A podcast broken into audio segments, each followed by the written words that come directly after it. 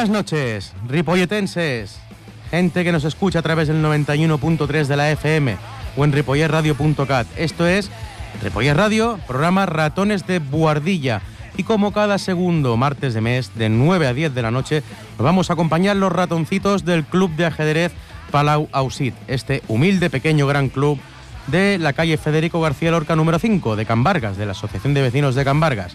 Y hoy, como no, pues hablaremos de los años pelín de los 80, pero sobre todo hoy toca especial de los 90, mediante varios asuntos a tratar. No podemos tratarlos todos porque necesitaríamos toda una vida, pero bueno, eh, mediante sobre todo algunos capítulos de un gran libro que me dio el otro día por alquilar en la biblioteca de San Quirsa del Vallés, No me toques los 90, de Mike Medianoche.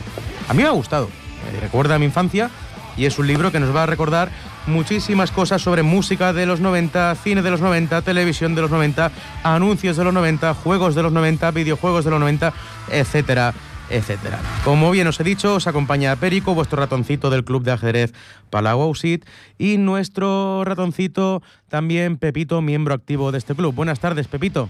Buenas tardes, ratoncillos, ¿cómo estáis? ¿Cómo estamos? ¿Qué tal? ¿Cómo se presenta la semana desde la docencia?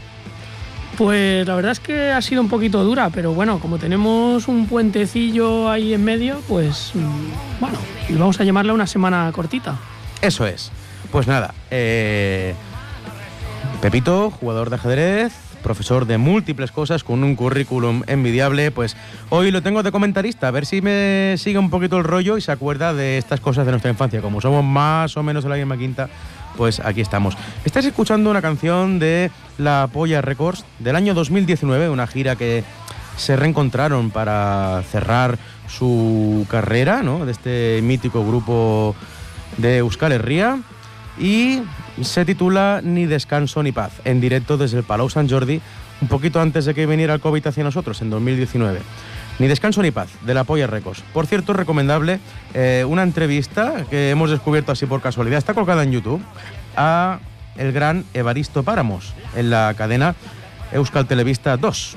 Una entrevista donde se sincera y ve su punto de vista de la sociedad actual, de la sociedad de los 70, 80, 90, y comenta cómo afrontar, bajo su punto de vista de su sinceridad, su, con suma subjetividad, eh, los tiempos que nos vienen encima pues nada, tal y como hemos comentado, esto va a ser el Ratones de Guardilla, repollerradio.cat 91.3 FM.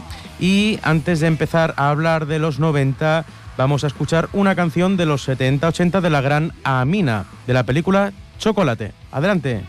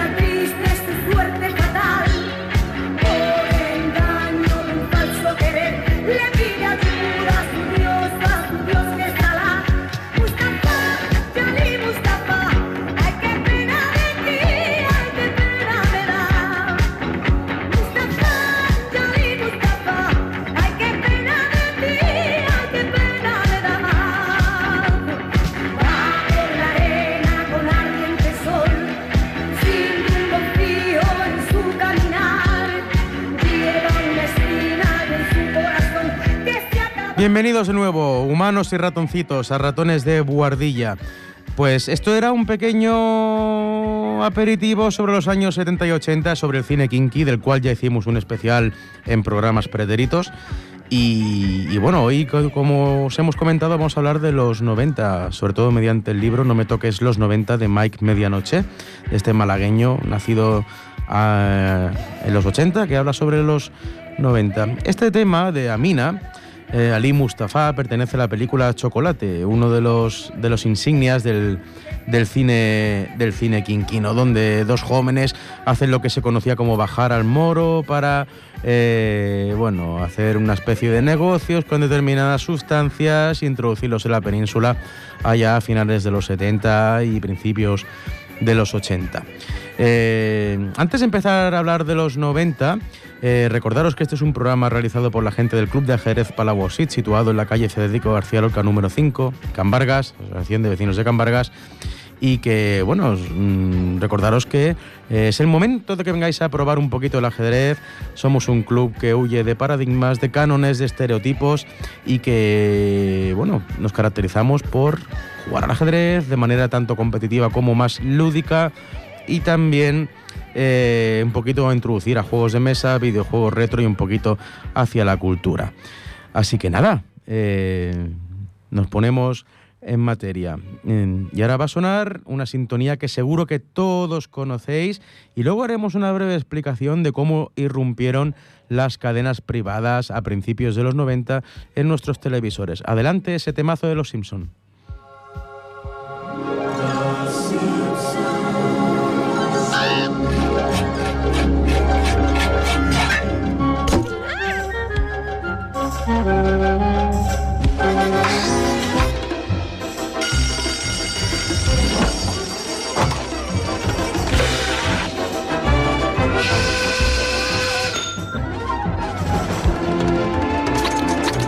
Pues sí, y voy a citar textualmente al autor del libro Mike Medianoche.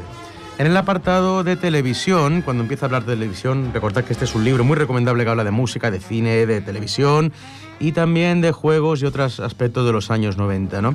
En el apartado de televisión, concretamente la página 9, eh, introduce así con un párrafo que dice, y llegaron las privadas, dice Mike Medianoche. La televisión cambió con la llegada de los 90, pues con esta década nacieron las televisiones privadas, que le quitaron la hegemonía a Televisión Española y a sus canales 1 y 2. Hasta entonces se creía que una televisión privada era aquello que salía en el programa de variedades.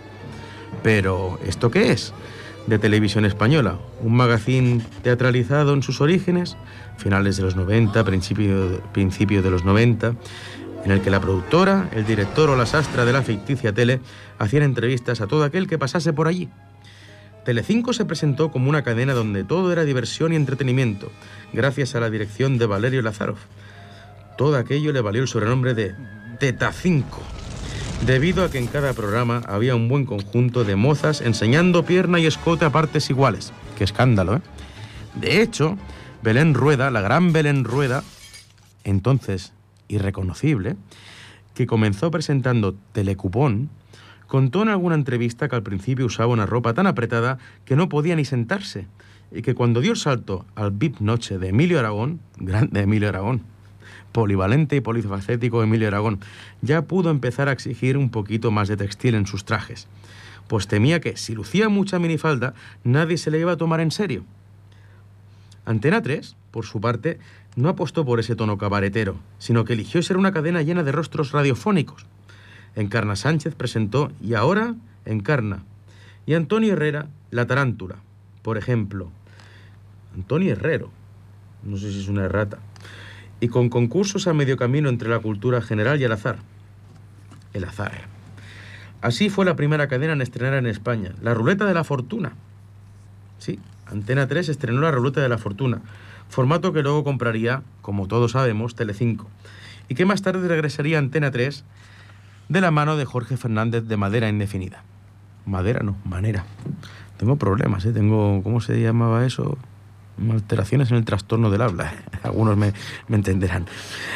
A veces el aire cultureta se le iba de las manos a esta antena 3 primitiva. Y quizás el mejor ejemplo es aquel Aula 3, en colaboración con el Colegio Libre de Méritos de Madrid, Aula 3 era un espacio de divulgación científica con un señor catedrático mirando a cámara y hablando durante media hora de física o de lo que correspondiese. Menudo tostón, ¿no? Y que se emitía a las 7 y cuarto de la mañana, para los más madrugadores. Una propuesta ideal para contemplar mientras se degusta una taza de café, sobre todo si eres el repelente niño Vicente. Grande Vicente, qué recuerdos. Las autonómicas que nacieron a finales de los 80, siguen fuertes sus pasos emitiendo programas con la colaboración de todas las cadenas de la Forta. F-O-R-T-A. Ahora no recuerdo qué significaba esas siglas o esos acrónimos. Como Luna de Miel, con Mayra Gómez Kem, u Olé tus vídeos, juego de palabras, presentado por Rosa María Sardá primero y por su hermano Xavier después. Y Canal Plus llega, pero solo para ricos, pues en España eso de pagar por ver la televisión nunca ha estado muy metido en la cabeza de la gente. Durante la jornada, el Plus emitía un mínimo de programas en abierto, tal como se han visto toda la vida, como por ejemplo los de música de los 40 principales o la serie Padres Forzosos. El resto, sobre todo en lo que a cine y fútbol se refiere, iba codificado. Ay, qué recuerdos y qué diversión con aquellos muñequitos que salían en Canal Plus. Y el espectador sintonizaba desde su casa un montón de rayitas grises y un sonido chirriante. Si querías verlo sin problemas debías pagar una cuota mensual y además adquirir un cacharro similar a un vídeo y que reinterpretaba la señal. Se llegó a generar leyendas urbanas como si ponías una radiografía delante de la televisión, podías ver la imagen, pero no es mentira similar a la de que en el último capítulo de Campeones se descubría que Oliver, el de Benji, era en realidad paralítico y que jamás jugó al fútbol. Joder, qué fuerte. O que en un episodio prohibido de Los Simpson, Bart moría. Pues este ha sido este primer este primer episodio respecto a la transición hacia las televisiones privadas a finales de los 80 y principios de los 90. Pepito, ¿te acuerdas algo de esto tú o qué? Pues realmente creo que merece una especial mención de Los Simpson, porque bueno, a partir es un, programa de dibujos que el dibujante Matt Groening eh, de los años 80, 1987 eh, eh, se estrenó en la cadena Fox, una cadena privada, como estamos hablando ahora. Y la verdad es que tuvo mucha repercusión porque del 92, entre el 92 y el 93 fue de las, los 30 programas más vistos pues realmente del país, ¿no? de Estados Unidos.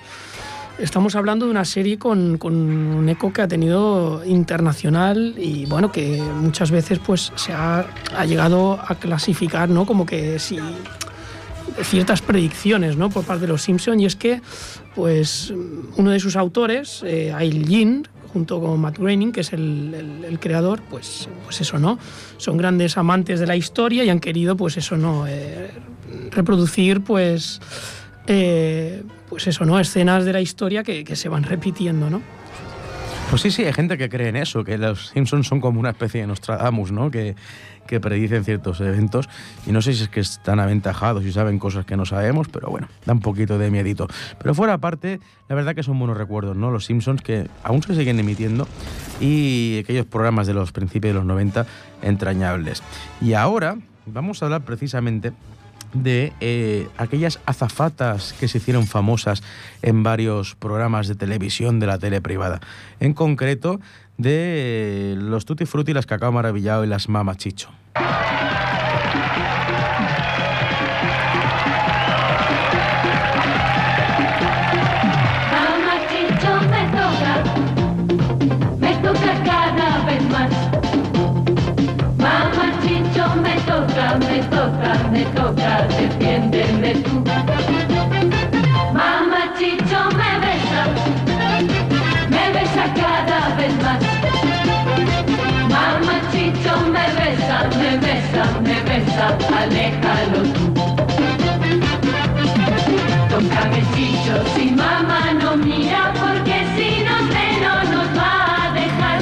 Menudas connotaciones, ¿eh? Menudas connotaciones picantonas en los, en los 90, ¿eh? De unido. Vale, pues eh, citando otra vez a Mike de Medianoche, este pequeño párrafo sobre las cacao maravillado y las mamachicho. Dice así. Si eres de los que dice, oh, sí, recuerdo las mamachicho con Emilio Aragón, otra vez el gran Emilio Aragón que estaba en todos lados, cuando cantaban eso de mamachicho me toca, me toca cada vez más. Tu subconsciente te traiciona. La letra de la canción era correcta, pero quienes estaban con Emilio en VIP Noche eran las Cacao Maravillado, unas mulatas con muchas curvas que cantaban la canción que daba nombre al ballet. Las Cacao eran un poco como una especie de comodín y lo mismo te salían en goles con Goles son amores que en, en Noche o en Humor 5 estrellas, menudos programazos. Su canción, en portugués, parecía promocionar un producto llamado Cacao Maravillao, que haría sombra al Nesquik o al Colacao. Y de hecho, mucha señora fue al súper preguntando si vendían el cacao maravillado para ponérselo a su churumbel a la hora del desayuno. Fuera de ese espectáculo, poco más que recordar de ellas, salvo que una decía aquello de Emilio, tengo miedo, aunque no se sabía de qué. Quizá de que Chicho las tocase. Hmm. Al igual que las Cacao Maravillao, las Mamachicho debían su nombre a la canción que interpretaban cada vez que salían a escena en Tutti Frutti, el programa de variedades de Telecinco. Estas hijas bastardas de Carmen Miranda fueron primero de origen italiano, pues ese mismo concepto existía en el país de la bota, Italia, y luego se las reemplazó con una camada de buenorras nacionales, a las que Chicho tocaba cada vez más y que, y que querían que tú las defendieses. En el año 91, 1991, en más de un colegio, la actuación de fin de curso se centró en ver a niñas ataviadas de mamachicho cantando esa canción divertida, pero que en realidad tenía un trasfondo erótico festivo. Calientabraguetas y ciclotímico, que si tócame chicho, si mamá no mira, que si mamá chicho me toca, defiéndeme tú. ¿En qué quedamos? ¿Te toco o no te toco? Vamos a empezar a poner unos rombos en ratones de guardilla debía pensar el bueno de Chicho, con la cabeza hecha un lío. Las mamachicho tenían tal protagonismo en el programa que incluso se llegó a hacer un concurso cuyo premio era una cena con tu mamachicho favorita. Jolines. Algo que posiblemente hoy sería imposible, por ensalzar los valores machistas. ¿Cómo va a ser una mujer un premio en un concurso cualquiera? Pepito, ¿qué piensas de todo esto? Porque parece que estamos hablando del Pleistoceno, pero esto ocurrió hace 20 años pues realmente eh, es necesario decir que los tiempos han cambiado mucho. Eh, nada que ver con los programas de ahora, con el anuncio del Colacao. Eh, bueno, todo ha cambiado una barbaridad. Y bueno, los programas actuales es que, bueno, pues eso, ¿no? Se actualizan a, las nuevas, a los nuevos tiempos. Realmente, y no vamos a entrar en mucho debate, ¿realmente crees en eso de la generación de cristal susceptible? Bueno, según el filósofo Bauman, nos vamos a poner un poco filósofos, eh, la sociedad se está volviendo o tiene tendencia a ser líquida. Es decir, en comparación a esos eh, valores sólidos, esos de los años 90 estables, de nuestros abuelos, el todo para siempre, hasta que la muerte nos separe, respecto a la impaciencia, a la impulsividad de la hora, en la inmediatez, el, quiero ahora, lo quiero ahora y tiene que ser ahora. Yo creo que pues va un poco por esa línea, ¿no? que vivimos unos tiempos muy distintos ahora, que se caracterizan por, sobre todo por la velocidad, ¿no? Eh, solo un pequeño ejemplo, pues eh, la, velocidad que tenemos ahora de Internet, nada que ver con la tarifa plana, no sé si lo recuerdas, que no funcionaba el teléfono. que, que descolgabas el teléfono, se escuchaban aquí psicofonías. y, y bueno, ¿echas de menos esta época o qué? ¿Tú qué crees? Pues la verdad es que sí, cierta nostalgia a esos tiempos en que quedábamos de cuando éramos críos a jugar al parque, a jugar a la pelota, a jugar al trompo, los tazos. Yo creo que se echan esos momentos eh, con tus amigos en, horas de, juego, horas que salías al exterior, esas quedadas que parecían interminables, esas tardes eh, que se pasaban volando ¿no? con, tus amigos. Yo creo que se está, se está, bueno, se está perdiendo. ¿no? Mira, aquí, pero esto ya merece otro programa aparte. Me estoy viendo el carnet del Club Super 3 y del Club Megatrix. Qué gracioso. ¿eh? Eso ya no existe, eso también se ha perdido, ¿eh? el Club Super 3 y el Megatrix. O por lo menos ha, evolucionado, o en algunos casos involucionado, ¿no? Pero bueno, eso, eso merece un programa aparte. Seguimos con otro mítico de los años 90 y que ha vuelto este verano, que es... Eh,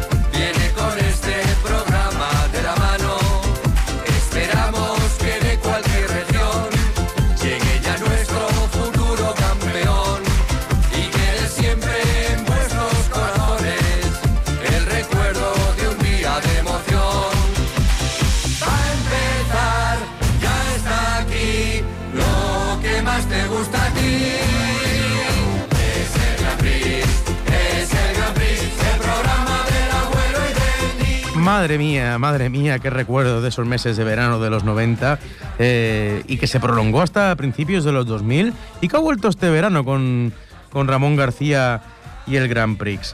Eh, bueno, y aquí en este libro, el libro este de No me toquen los 90 de Mag Medianoche, hay un pequeño apartado, bueno, hay muchos dedicados a, Ramón Chu, ¿no?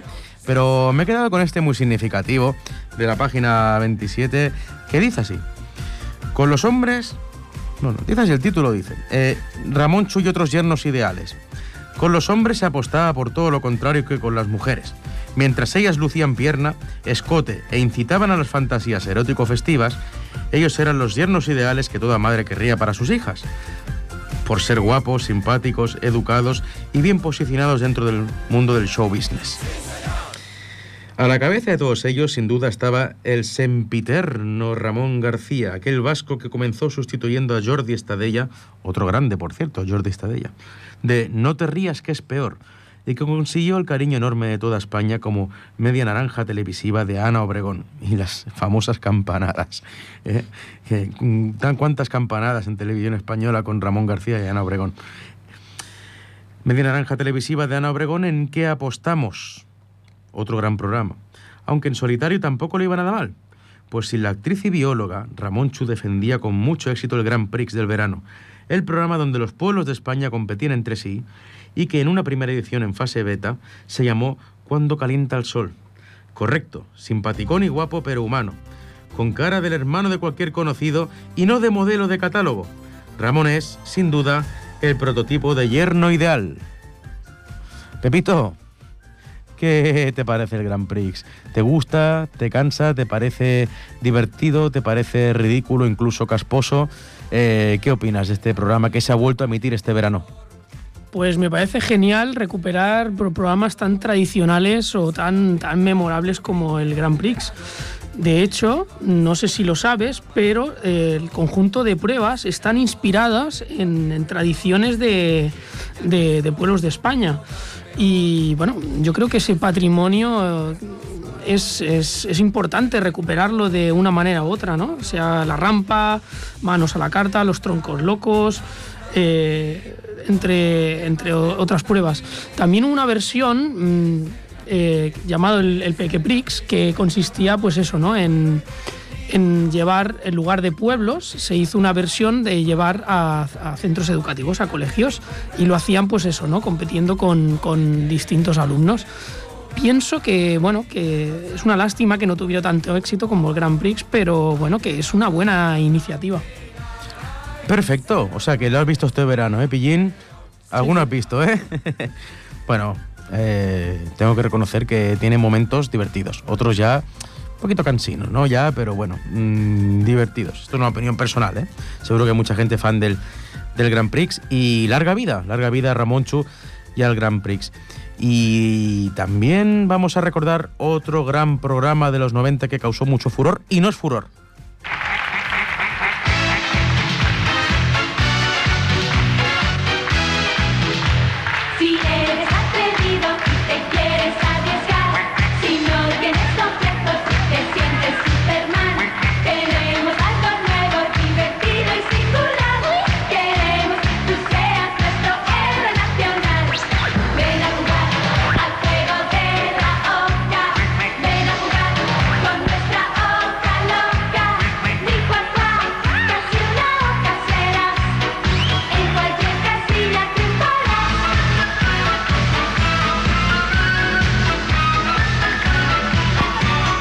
Efectivamente, el gran juego de la OCA. Primero en Antena 3 y luego en Telecinco. No duró muchos años, pero qué buenas noches de sábado nos dio, ¿eh? El gran juego de la OCA. Dice así Mac de Medianoche sobre el gran juego de la OCA.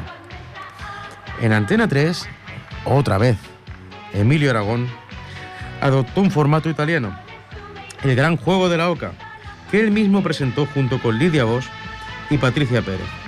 Allí los concursantes se sumergían en un tablero de la oca de tamaño gigante, rodeado de bellas oquets, que eso también merece mención y capítulo aparte, las azafatas del juego de la oca, las oquets, y con pruebas muy populares como la del guerrero Maxtor, la casilla de la lucha en el barro con Romy o la del peluquero Flecky, especialista en dejar los calvos a ellos y con el pelo a los garzón.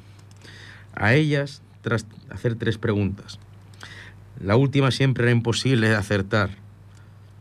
Las pruebas solían ser muy espectaculares, con concursantes colgados por los aires o buceando en la piscina, o escapando del fuego o del ácido sulfúrico, si hacía falta. Lógicamente se sabía de antemano en qué casilla caería cada concursante y quién ganaría. Pero no había tongo. Los trayectos ya estaban asignados de antemano y luego se sorteaba qué color tendría cada, cada participante. Iba a decir principiante, pero no, no, sabían lo que hacían. Así que, pese el misticismo con el que se decía ¡tira dados! Ya se sabía si saldría un 7, un 3 o un 12.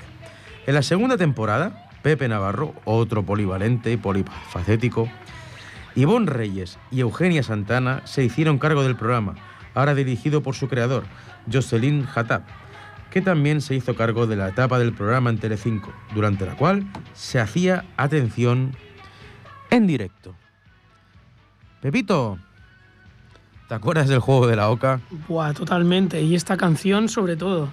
Eh, yo creo que vale la pena pues eh, hablar pues de la singularidad de algunas casillas, ¿no? Aparte de, la, de las típicas casillas de Oca Oca, pues teníamos casillas tan especiales como la casilla de dados, que el concursante avanzaba hasta la casilla 20 y volvía a tirar, ¿eh? de dado a dado y tiro porque me ha tocado. La casilla del barro, donde el concursante pues, se introducía en una piscina de barro y pues, debía luchar contra Romy, que era la, la luchadora. Eh, la prueba pues habitualmente pues era de buscar las cinco letras en, el cuerpo de la luchadora para formar y adivinar la palabra. La casilla 31, que es la casilla eh, del cortasandías, la casilla del pintacuerpos, la casilla del túnel de las serpientes, tenemos la del castillo también, la del flequi, la casilla de la jaula, la de la muerte, la ruleta, la reoca, bueno, entre otras. Y vale la pena también mencionar pues el origen del juego de la oca, ¿no? ¿Sabes el origen del juego de la oca? Tengo ahora mismo el cerebro tan frito, Pepito, que, que, lo sabía, pero ahora mismo no lo sé. Cuéntame. Pues realmente nos debemos situar pues, en la Edad Media, ¿no? Eh, no deja de ser, eh, pues eso, ¿no? En la Edad Media cuando el Camino de Santiago, ¿no? Es, es un guiño directamente al mismo Camino de Santiago donde estaba llena de pruebas y pues una manera, como en esos tiempos no había para los medios que tenemos actualmente para recordar el itinerario por donde debías pasar, las posadas y todo esto, el camino, pues era una forma muy gráfica, muy divertida, lúdica, pues de, entre los peregrinos, pues de, recordar pues el, camino, ¿no? Por cierto, eh, dos apuntes sobre el juego de la Oca. me parece muy interesante, ¿no? La referencia al Camino de Santiago y los orígenes del juego de la Oca. Pero yo te hablo de mi infancia, de los 90. Dos apuntes. ¿Tú recuerdas aquel programa? ¿Te acuerdas de, aquel gran motorista o corredor? ¿Motorista o de coche? No me acuerdo. Ángel Nieto. ¿Te acuerdas de Ángel Nieto? Campeón del mundo, ¿no? De, de motor. Eh, ¿Te acuerdas aquel programa que en la prueba de beso o tortazo una de las Oquets le propinó un guantazo en la cara y dijo, te has pegado un pasote, te has pegado un pasote, ¿eh? ¿Te acuerdas de eso? Sí, sí. Eso fue, eso fue mítico, ese, ese momento.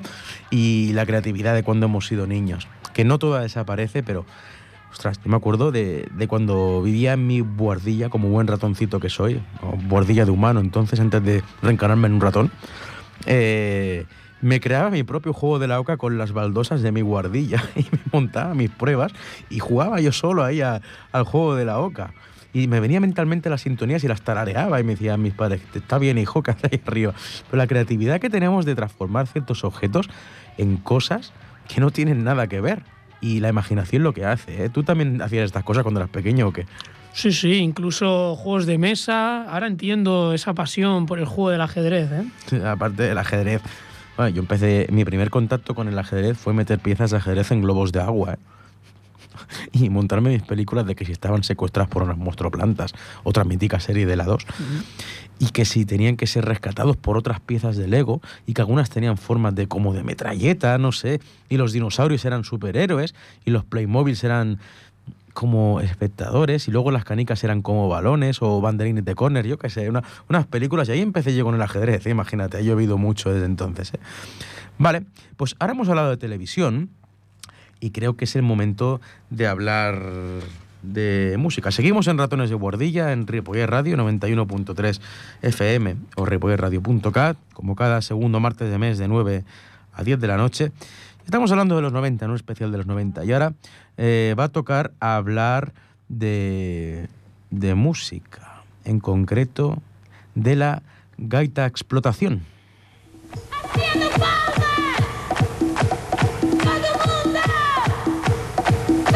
Me he colado, me he colado, me he, colado. Me, eh, ¿qué, ¿qué, me pasa? Estoy. Es que no son horas ya. No, la gaita de explotación viene luego. Dale volumen a esta canción, Jordi.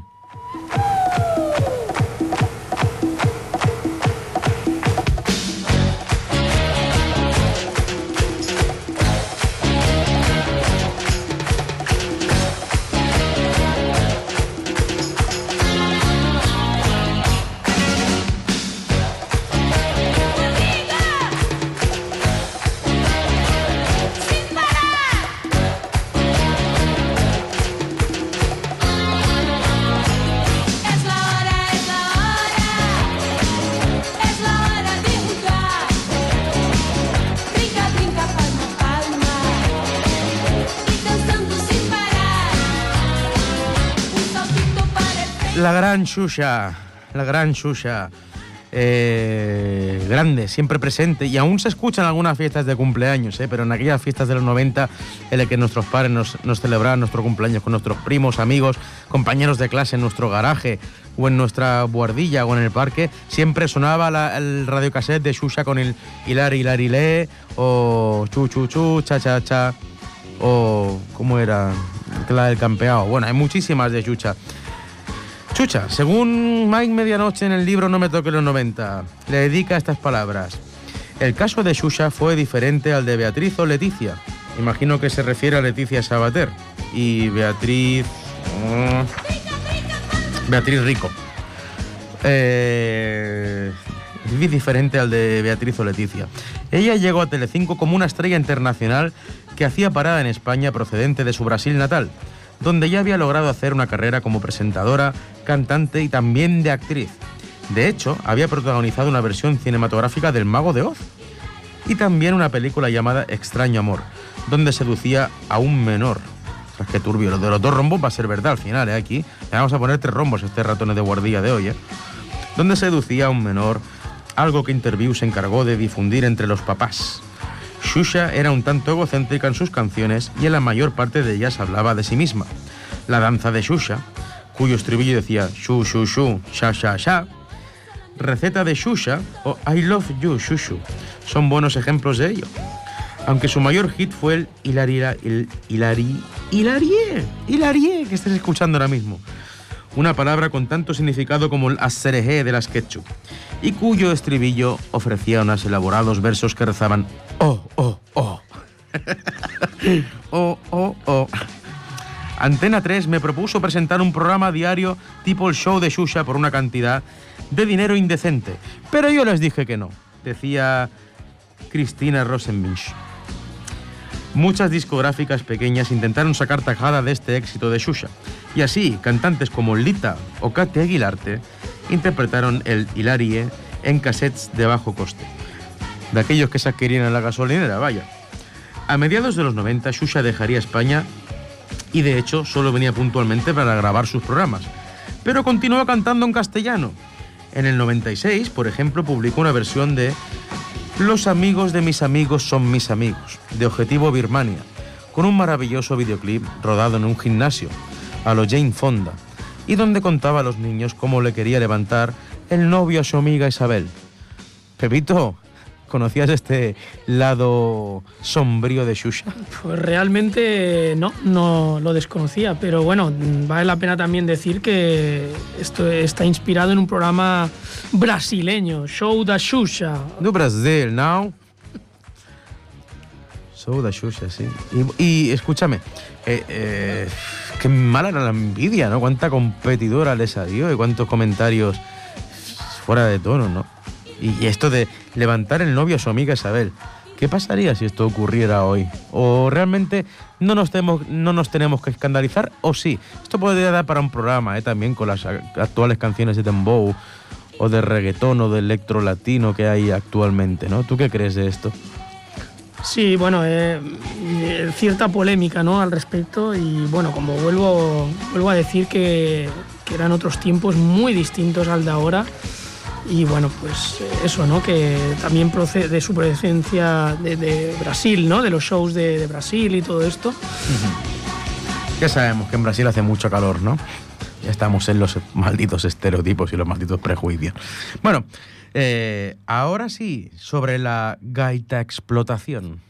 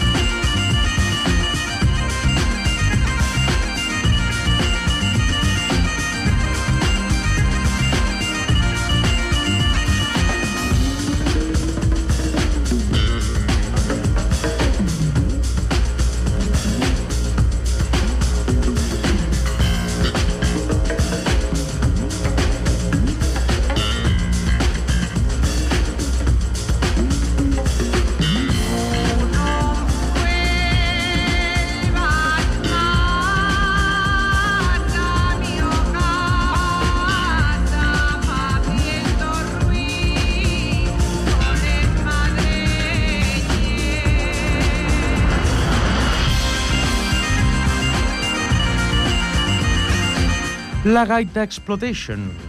A finales de los 90 hubo una especie de Gaita Exploitation, es decir, una pequeña moda que decía que si querías ser un músico guay debías incluir la gaita por algún lado, aunque fuesen solo unos arreglos.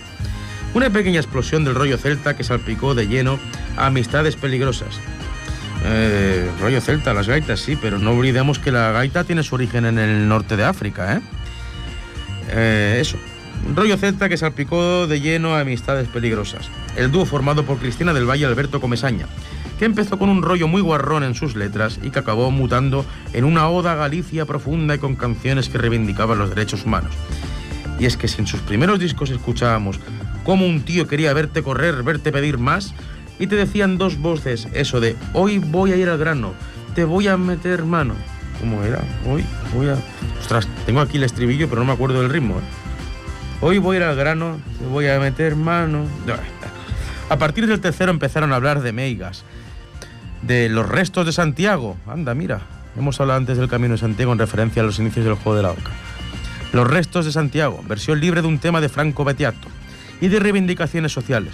Todo ello lleno de gaitas por aquí y por allá. El gaitero de confianza de Amistades Peligrosas en estos discos era José Ángel Evia, inventor de la gaita electrónica. A Evia, la fama en solitario le llegó en 1998 con el álbum Tierra de Nadie, que incluía el tema Busiendre Ril, tema que acabáis de escuchar, aquel hit en el que se oía a una señora mayor cantando Tú no vuelvas más a mío casa faciendo riu y con les madreñes. Imagino que esto es asturiano, asturleonés, o bable, como queráis llamarle. Bueno, los puristas de la lengua asturiana o bable me seguro que se me echan encima que en castellano es algo así como no me despiertes haciendo ruido con los zuecos cuando llegues a casa, o te pongo de patitas en la calle. Evia puso música a la Vuelta Ciclista a España, incluso intervino en un tema de un disco de Camela, Nada es verdad. Sin duda, el gaitero más importante de la década fue el gran Carlos Núñez, un señor larguirucho con mucho talento con este y otros instrumentos, y cuyo mayor éxito fue El Pozo de Arán, que sigue sonando hoy en las radios fórmulas. En 1999, Carlos participó en el anuncio de Freixenet, como no, tocando la gaita. Allí las míticas burbujitas le consideraban uno de los jóvenes artistas del año 2000, entre los que también destacaban la Miss Lorena Bernal y la cantante Estrella Morente, así como una chica de look peculiar, Cristina Pato, que sale tocando el piano. Su caso es particular, ya que en ella con los instrumentos es como Concha Velasco en un escenario, un auténtico todoterreno, y cualquier cosa que haga está bien hecha. Y si la vallisoletana es capaz de actuar, cantar, bailar y presentar televisión con sobresaliente, la pato le te toca de manera ejemplar el piano o cualquier otro instrumento, como por ejemplo la gaita. Picarón este autor, ¿eh, Pepito? Mike, Mike Medianoche es picarón, ¿eh? Sí, sí. Las connotaciones que tienen ciertos, ciertas frases de este, de este libro. ¿Tú te acuerdas de Evia? Totalmente. La música celta es, es preciosa. ¿No te dan ganas de coger el coche e ir a, a Gijón, a Oviedo, a. Avilés, Cantabria, eh, a Luarca? Esos... Galicia. Ah. Habrá que ir, habrá que ir.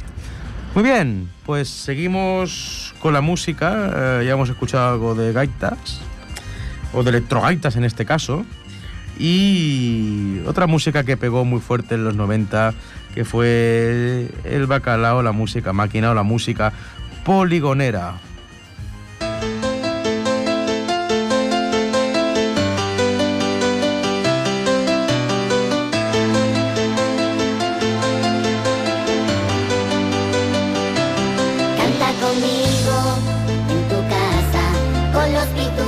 Donde quiera que vayas. Canta conmigo donde quieras, pues los pitufos cantan de esta manera.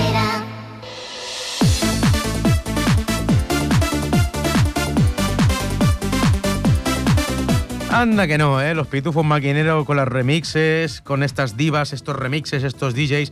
En este caso, con Camela, ¿no? Y es que la música electrónica tuvo su época dorada en los 90. Recopilatorios como el Max Music, Blanco y Negro Mix, Lo Más Duro.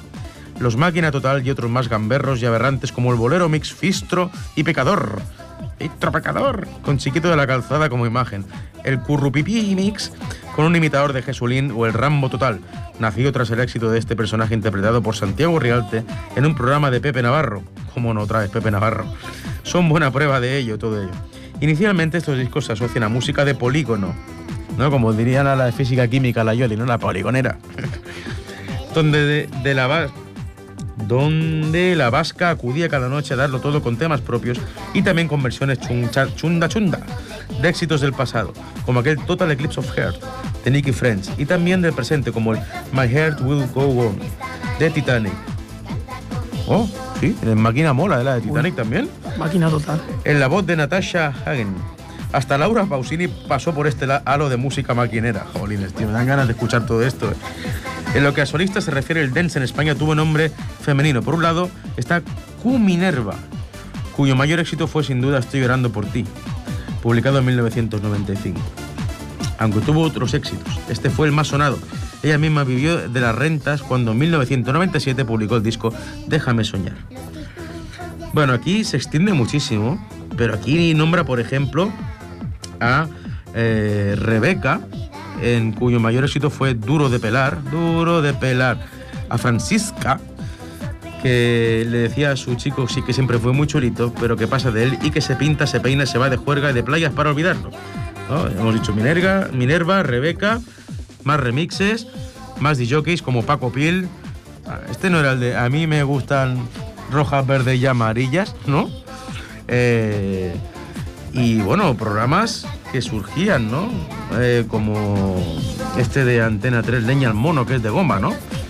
Eh, Saturday Night, también Wickfield, Gran Wickfield, eh, ya rozando más el dance, ¿no? Esa transición que hizo la música máquina hacia el dance. Y bueno, los pitufos, los pitufos, cómo no. Eh, bueno, hay muchísimos temazos, ¿no? Pero esto da para otro programa entero, hablar de música máquina, de bacalao, de dance, de hardcore incluso, ¿no? Bueno, eh, simplemente mencionar. José, Pepito, dime antes de seguir un tema que te haya marcado de estos de remixes, solo uno. Pues es que en máquina total tenemos, eh, tenemos temas, vamos, para, para ser favoritos y más. el tema también de Paco Pil, también es que es, que es un clásico. Y ya que hablamos de los pitufos, ¿qué pitufo es tu favorito? Pues imagino que el, el- el empollón, ¿no? El sabio por lo de ratones de guardilla, ¿no? ¿Eh? Había uno, ¿no? El pitufo, el estudios, ¿no? El barrufeta estudios, ¿no? ¿Eh? Bueno, y también el pitufo bromista, ¿eh? que tú también tienes por ahí. y lo sabes. bueno, pues nada, eh, seguimos con el último punto de música, brevemente. En este caso de la fiebre de las Spy Girls y de los Backstreet Boys.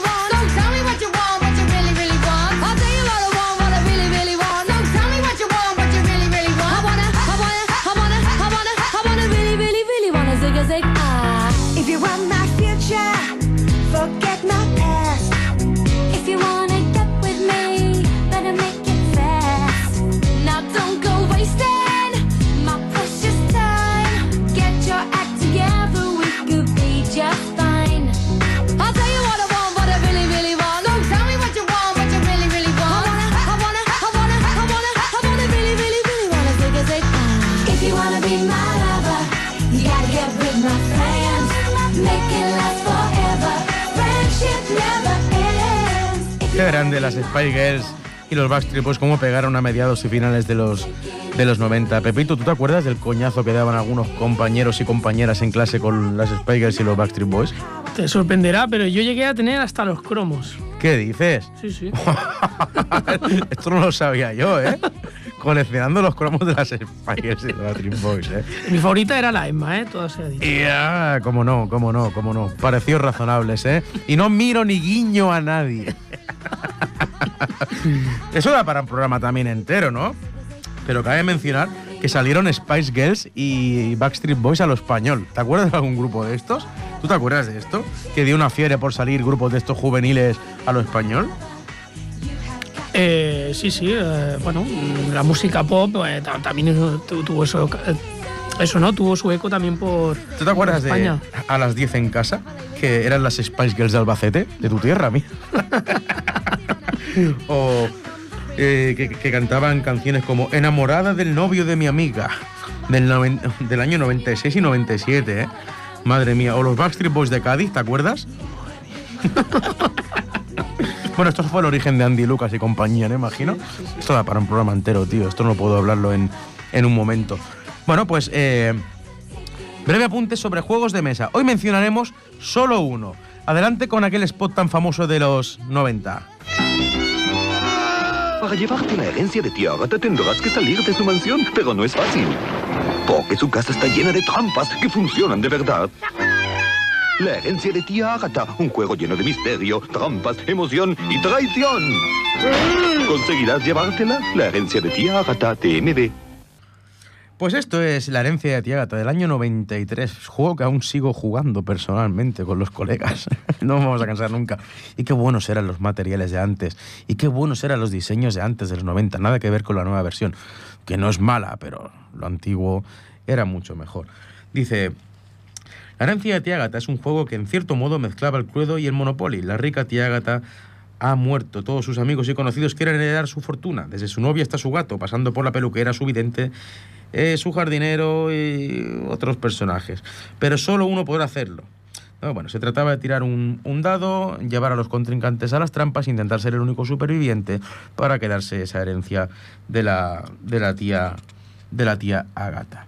¿Vale? Y por último, último punto, eh, que suenen un par de anuncios aquellos de los 90, hombre, de la teletienda.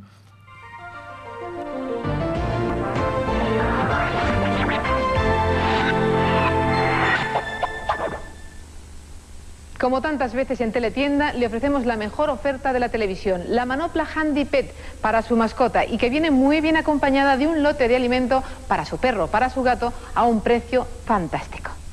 ¿Todavía sigues cepillando a tus animales con un cepillo normal? ¿Por qué derrochas fuerza y energía en esta tarea? Ahora Handy Pet, la manopla especial para tratar el pelo de perros y gatos. Tu Handy Pet peina, cepilla y masajea a la vez. Hecha de algodón con accesorios especiales de látex, es beneficioso para tus animales. La mejor oferta de la televisión. Y además, recibirás 12 latas de comida para perro por 2.990 pesos. Efectivamente. Con la llegada de las teles privadas surgió una nueva forma de adquirir productos, viendo anuncios en televisión de objetos variopintos que podías pedir por teléfono y que te traían directamente a casa. Era una réplica audiovisual de la compra por catálogo de toda la vida. Antena 3, como no, fue la que más dio la tabarra con este sentido. La cadena de los anuncios, ¿eh? Con eh, unos microespacios llamados la teletienda y que la que luego saldría mucha competencia con nombres similares. Los anuncios de la teletienda, que al principio presentaban Miguel Ángel Nieto y Carmela Car- Castelló, eran sencillamente maravillosos.